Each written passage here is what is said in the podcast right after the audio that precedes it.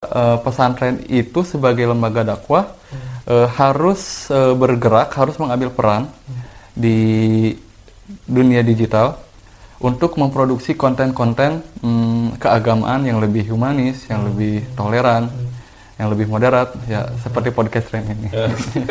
Iya.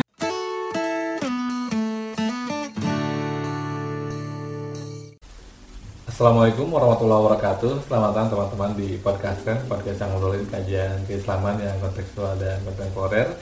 Uh, hari ini saya kedatangan tamu Kang Zen. Um, beliau adalah salah seorang sama saya seperti saya seorang santri dari Jawa Barat juga dan sekarang sedang menempuh studi di University of Manchester mengambil bidang digital education. Assalamualaikum Kang Zen. Waalaikumsalam. Oke, Uh, ini um, apa ya? Saya mungkin mau bertanya tentang ini. Jadi kan Zen ini salah satu santri yang kemudian mendobrak uh, tradisi di pesantren dalam Ya. artian yang biasanya santri identik dengan hanya di pesantren kemudian memutuskan untuk studi di luar gitu. Ya.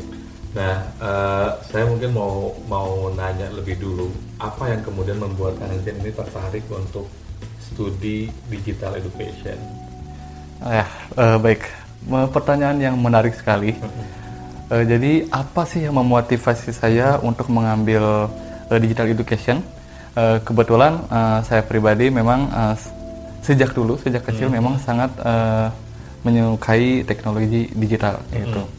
Bahkan waktu SMA saya juga mengambil SMK jurusan software engineering.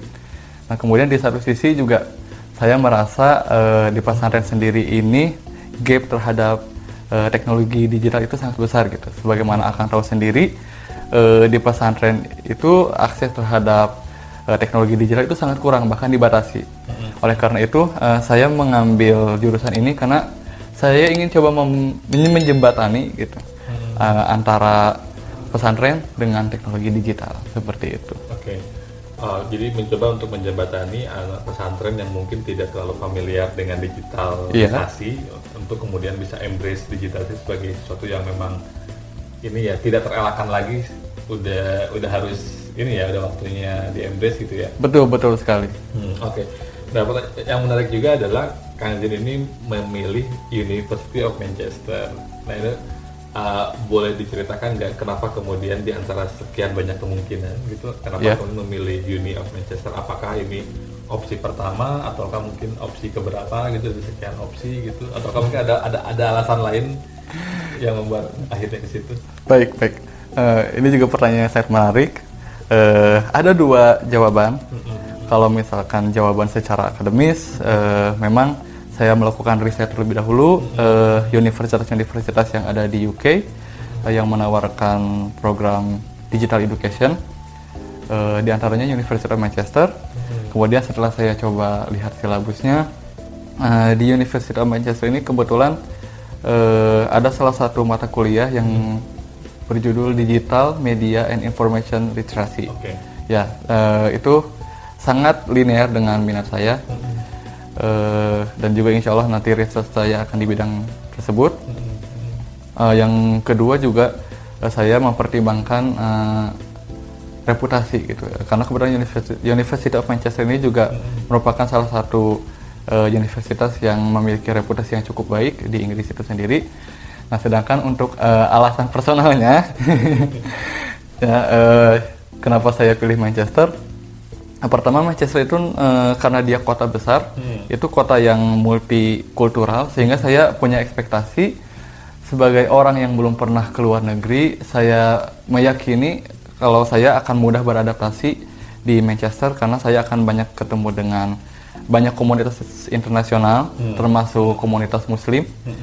Eh, dan yang kedua, kenapa saya pilih Manchester? Tentunya biar saya bisa nonton, bola. iya nonton bola MU.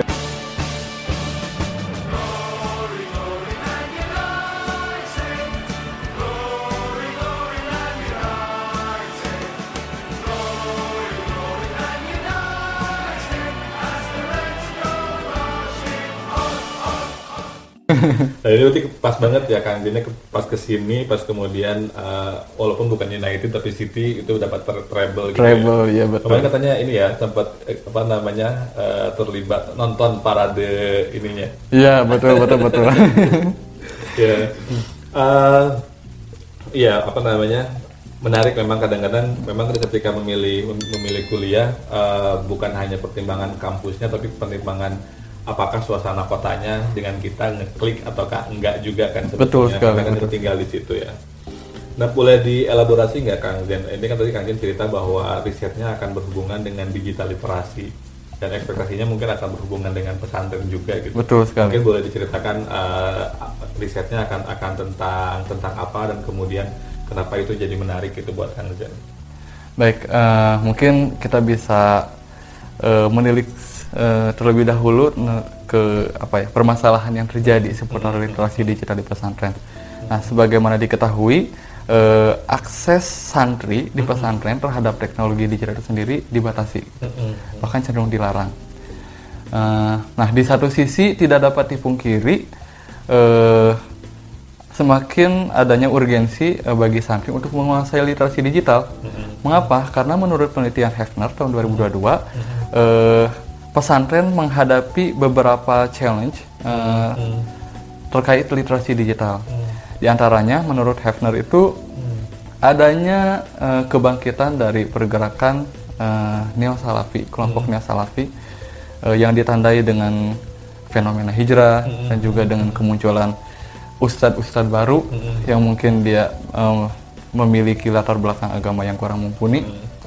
Nah, itu cenderung menggiring generasi muda kepada pemahaman yang cenderung konservatif bahkan radikal.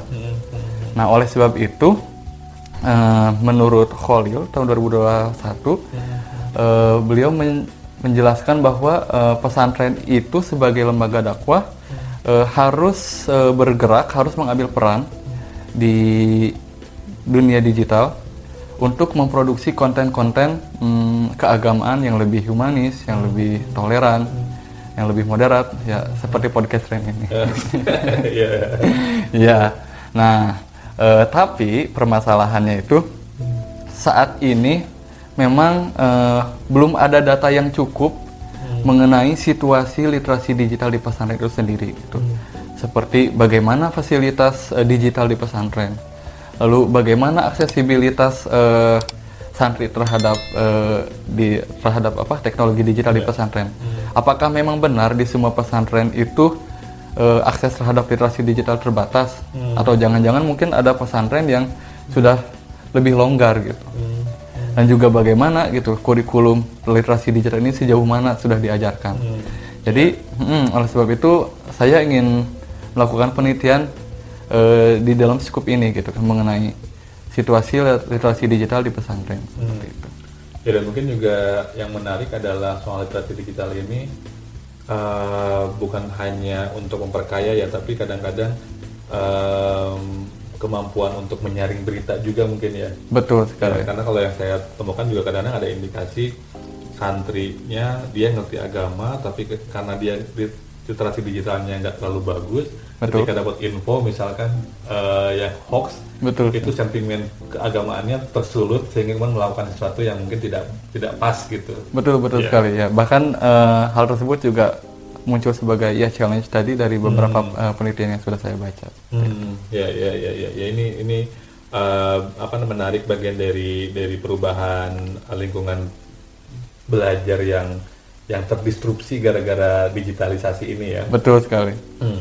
Mungkin boleh diceritakan Kang Jen soal proses S2 di Uni of Manchester ini gitu. Misalkan kayak modul yang diambil ada berapa gitu. Terus kemudian um, cerita soal apakah ada ujian gitu ya. Ini kadang-kadang oh, biasanya baik, baik. mungkin teman-teman santri ada yang ada yang lagi nonton dan lagi persiapan pengen kuliah dan membayangkan sebenarnya kuliah di luar negeri itu uh, seperti apa gitu karena tiap kampus kayaknya beda-beda juga gitu kan aturannya. Ah, iya, di Uni of Manchester gimana? Nah untuk di University Manchester ini sendiri uh, pertama gitu yang paling penting hmm. yang perlu teman-teman ketahui uh, sama seperti uh, universitas di Inggris pada umumnya hmm. untuk durasi belajar S2 itu sendiri hanya selama satu tahun. Hmm. Nah untuk satu tahun sendiri itu uh, bisa dibilang dibagi menjadi tiga term. Hmm. Di mana dua term awal itu digunakan untuk perkuliahan hmm. dan satu term akhir itu digunakan untuk eh, penyelesaian disertasi. Hmm. Nah, eh, adapun modul yang saya ambil itu kurang lebih berjumlah tujuh saat ini, ya, ya tujuh. Eh, Masing-masing untuk satu semester pertama eh, tiga dan semester berikutnya itu empat. Empat. Ya. Dan untuk setiap semester itu kurang lebih terdapat 60 kredit. Kayak gitu. Dan kredit itu seperti SKS. SKS ya. Oke. Ya, betul. Nah, adapun eh, matkul yang saya ambil tentunya cukup banyak ya. Eh, pertama eh, di kami ada Digital Education Research. Hmm. Itu ada dua di semester awal dan eh, semester kedua. Kemudian ada juga eh, Education and Technology. Hmm. Hmm. Eh, kemudian banyak lah mungkin Iya, saya tidak bisa sebutkan. Tapi salah satu matkul yang paling menarik itu dan linear dengan Hmm. eh, apa penelitian saya nanti yaitu itu digital media media and information literacy. Hmm. Nah, tadi kalau nggak salah kita sempat ngobrol juga di, di luar ini. Em, jadi kan kalau di sini tuh modulnya nanti ketika ujian itu kita ada di, diarahkan untuk nulis ya.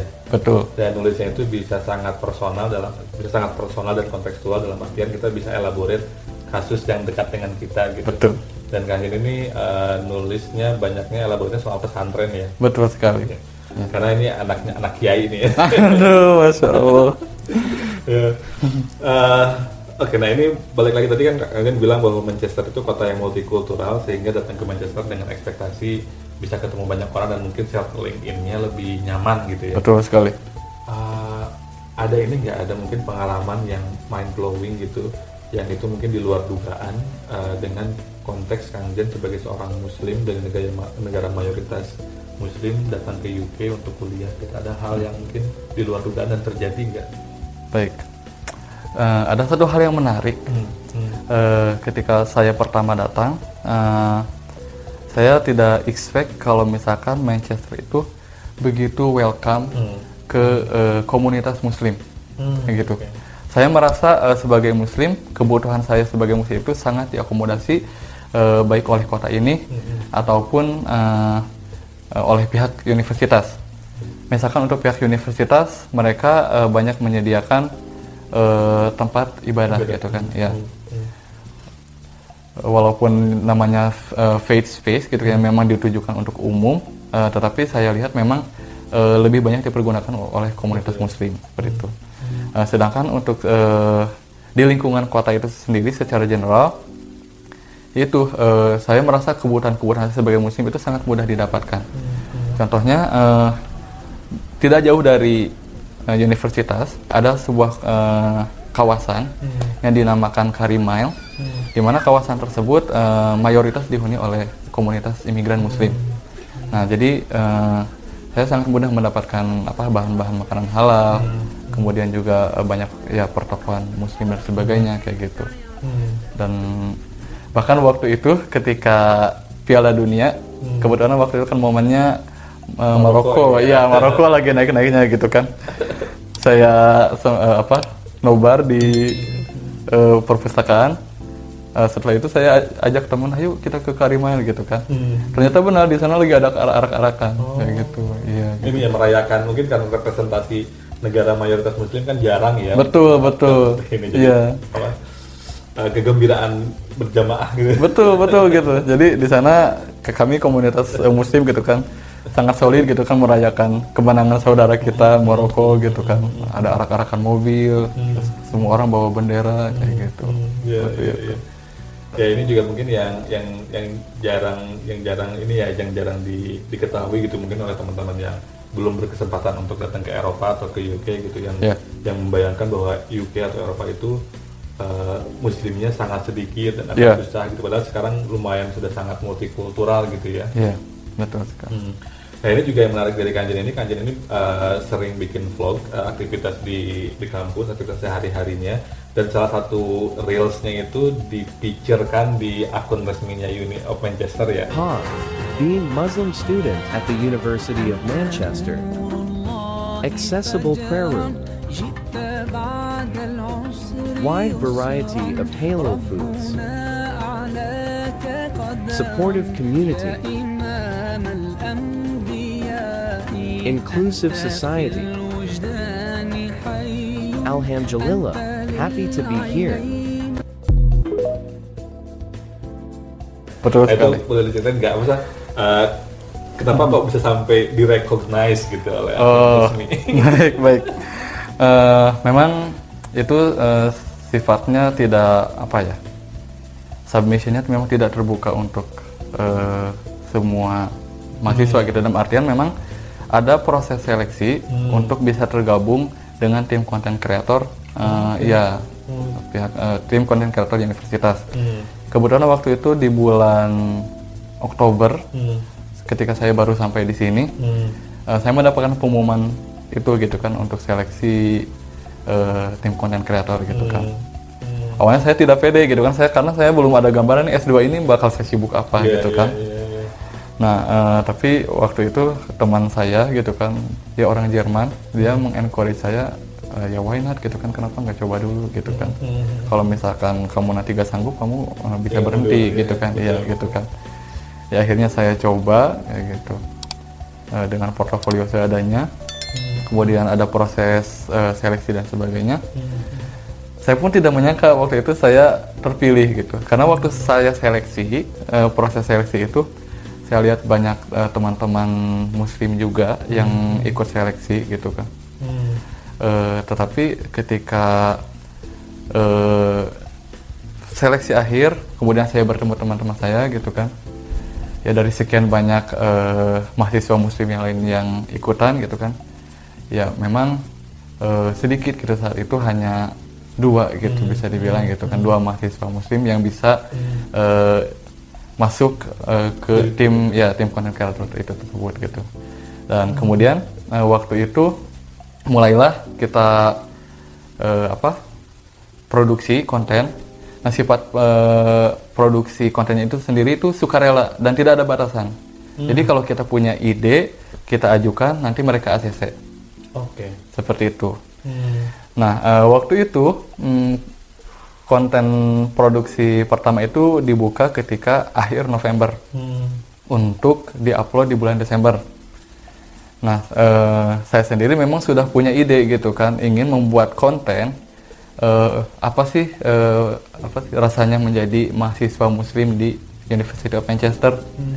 Nah, eh, tapi seperti akan tahu sendiri gitu kan, November akhir menjelang Desember kan memang momennya ya? musim ya eh, ini bukan menyambut apa momen Natal seperti itu, ya iya, gitu iya, kan. iya, iya, iya. saya saya sendiri pun ragu gitu ini bagaimana ini gitu Kurang kan. pas ya kurang pas kurang timely gitu. Tapi ya sudah gitu kan karena hanya itu yang ada di desa ya. Saya coba ajukan seperti itu gitu kan. Hmm. saya sendiri pun pesimis. Dari saya mengajukan tiga ide gitu. Hmm. Eh, tapi ya saya yakin ide yang itu itu tidak akan diterima gitu karena mungkin kurang timely gitu. Hmm. Nah, tapi eh, di luar dugaan ternyata mereka menerima ide tersebut gitu kan. Bahkan mereka uh, we really love your idea kayak gitu. Akhirnya saya eksekusi, saya buat videonya. Eh, mereka pertama unggah di TikTok, tapi karena banyak engagement di TikTok, mereka upload ulang di Instagram. Oh, oke. Iya. Dan tidak menyangka lagi di Instagram itu engagementnya lebih tinggi lagi. Bahkan eh, konten saya yang yang itu gitu kan, yang judulnya itu POV Being a Muslim Student at the University of Manchester, itu eh, mendapatkan apa sih engagement yang paling tinggi gitu. Iya dari konten-konten yang diproduksi oleh teman-teman yang lain. Oh, being Muslim student at the University of Manchester. Accessible prayer room. Wide variety of Halo foods. Supportive community. Inclusive society. Alhamdulillah, happy to be here. Saya pun tidak menyangka seperti itu gitu. Jadi ini apa namanya? eh, mungkin karena banyak orang yang ngerasa relate dan relevan dan sejauh ini mungkin belum ada yang menyuarakan itu ya mungkin ya. Iya, mungkin bisa Sehingga jadi sih. eh, apa namanya? Banyak orang yang kemudian akhirnya senang dengan itu gitu ya. Betul betul. Nah, tapi eh, di luar itu juga saya sangat mengapresiasi eh, pihak dari University of Manchester sendiri gitu. Hmm. Yang walaupun saya tadi kan sudah eh, katakan gitu kan mungkin hal tersebut kurang tepat secara Iya, iya, waktu gitu, tetapi mereka mengapresiasi gitu, bahkan memberikan space kepada kita gitu. Jadi saya merasa saya, saya merasa direkognisi gitu Iya, sebagai iya. muslim gitu. Ya diberikan. Padahal kita minoritas di sini gitu Betul ya. kayak Ya. gitu.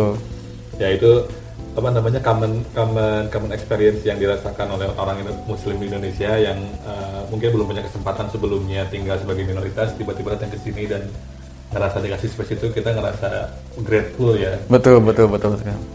Oke. eh, oh ya, ini mungkin pertanyaan terakhir nih. Kalau misalkan Ya. nanti teman-teman santri ada yang ada yang tertarik gitu misalkan untuk untuk mau kuliah di luar tapi nggak tahu harus mulai dari mana gitu. Kalau dari proses kanjen sendiri itu seperti apa? Hmm, memang prosesnya itu cukup panjang gitu. Hmm, hmm, Karena banyak hal yang perlu dis- eh, dipersiapkan gitu kan. hmm. Eh, pertama eh, dan paling utama itu kita harus tahu dulu alasannya mengapa kita harus melanjutkan studi gitu. Oke. Iya, apa yang mau kita lakukan ke depannya gitu. Hmm, Apa relevansinya kita sebagai eh, santri gitu kan dan sebagainya gitu kan. Apa rencana kita ke depan selanjutnya. Hmm, Dan yang kedua, kalau misalkan kita memang sudah menemukan motif yang kuat, eh, kita melanjutkan studi, ya kita melakukan berbagai persiapan gitu kan. Di antaranya yang paling penting, yang tentunya eh, apa? Tentang pembiayaan itu sendiri gitu. Hmm. Ya, karena saya sendiri eh, merasa tidak mampu untuk eh, melanjutkan studi di luar negeri gitu kan dengan biaya sendiri, ya mau tidak mau memang harus mencari beasiswa. Hmm. Ya, jadi eh, teman-teman perlu mencari tahu juga beasiswa apa yang memang cocok untuk untuk teman-teman. Ya. Dan yang terakhir, eh, mungkin ini eh, paling teknis gitu, tapi memang salah satu kunci untuk studi di luar negeri ataupun mendapatkan beasiswa itu sendiri eh, itu persiapan bahasa Inggris. Ya. Ya, bahasa Inggris gitu kan. Karena memang mau tidak mau bahasa Inggris kan bahasa yang tidak hanya digunakan untuk syarat saja, tapi juga digunakan untuk kita studi nantinya kayak gitu. Jadi eh, ketika teman-teman sudah membekali sertifikat bahasa Inggris, itu akan memudahkan jalan teman-teman baik itu untuk pendaftaran ke universitas maupun untuk mendapatkan beasiswanya. Hmm. Seperti itu. Ya, eh, menarik ya. Jadi cover cover banyak banyak area gitu ya. Kalau misalkan kita untuk kalau kita mau mau kuliah di luar gitu nggak nggak sesederhana. Mungkin orang ngelihat kayaknya kok mudah ya, kayak orang datang keluar terus kelihatannya jalan-jalan aja gitu di sana. Padahal Iya. sebetulnya di balik itu yang nggak terekam di kamera atau yang nggak ter- terrefleksikan di Instagram itu luar biasa Luar berdarah-darah ya. biasa sekali.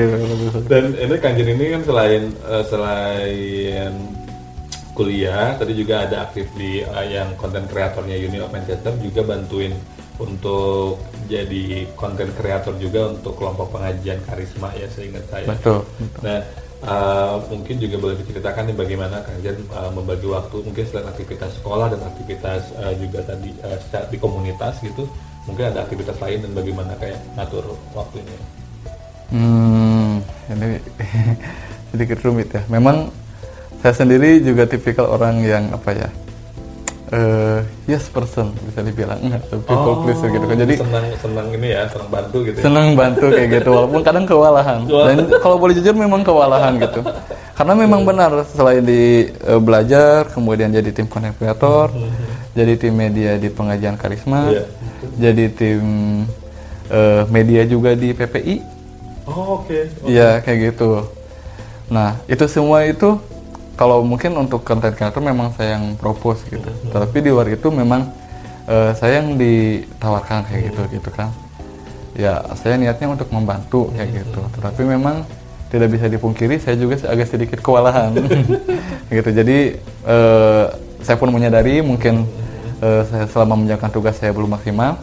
Tapi terkait pembagian waktu mungkin untuk organisasi-organisasi ini eh, saya eh, mengerjakan tugasnya itu sesuai dengan ini aja gitu apa waktunya gitu kapan dibutuhkan seperti Oh, itu oke, iya oke. seperti itu gitu jadi kayak sesuai dengan kalau misalkan memang ada prioritas yang harus dikerjakan cepat ya berarti langsung diassign di apa namanya itu dikerjakan gitu ya. Betul, betul, betul. Atau ya menunggu ini atau apa? Menunggu instruksi dari Hmm. ya ketua divisi Iya, dan iya. sebagainya seperti itu. Ya, ini ya apa namanya bagian dari yang eh, apa ya kuliah di luar itu kadang-kadang banyak banyak kesempatan untuk kita eksplor kemampuan kita gitu walaupun di saat yang sama kita sadar waktu kita terbatas. gitu. Hmm. Betul sekali. ini, eh, seni untuk mengatur waktu dan mengatur ekspektasi segala macam. Eh, terakhir mungkin ada closing statement dari Kang Jen. Nah, ya baik. Eh, teman-teman, bagi yang ingin kuliah ke luar negeri, eh, jangan ragu. Eh, khususnya apabila misalkan teman-teman masih memiliki keraguan, wah bagaimana ini menjalankan kehidupan sebagai muslim di negara ma- minoritas eh, muslim dan sebagainya gitu kan.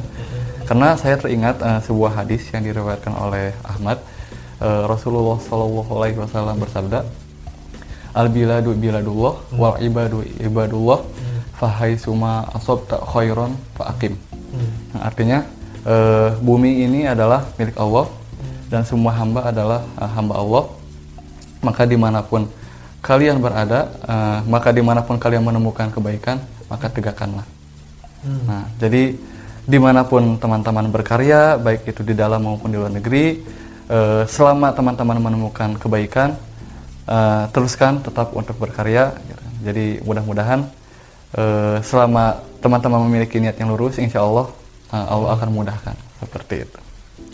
Oke, baik. Eh, terima kasih Kang Zen atas atas waktunya. Semoga lancar proses risetnya. Nanti Amin, kita akan amin. lihat nama Kang Zen di jurnal-jurnal ilmiah yang nanti membantu kita untuk memperkuat peran pesantren, terutama di era digital. Amin, eh, insya Allah. Dalam aspek digital education-nya. Sekali lagi terima kasih. Terima kasih juga teman-teman yang sudah mendengarkan, sudah menonton. Eh, sampai ketemu lagi di episode eh, berikutnya. Wassalamualaikum warahmatullahi wabarakatuh.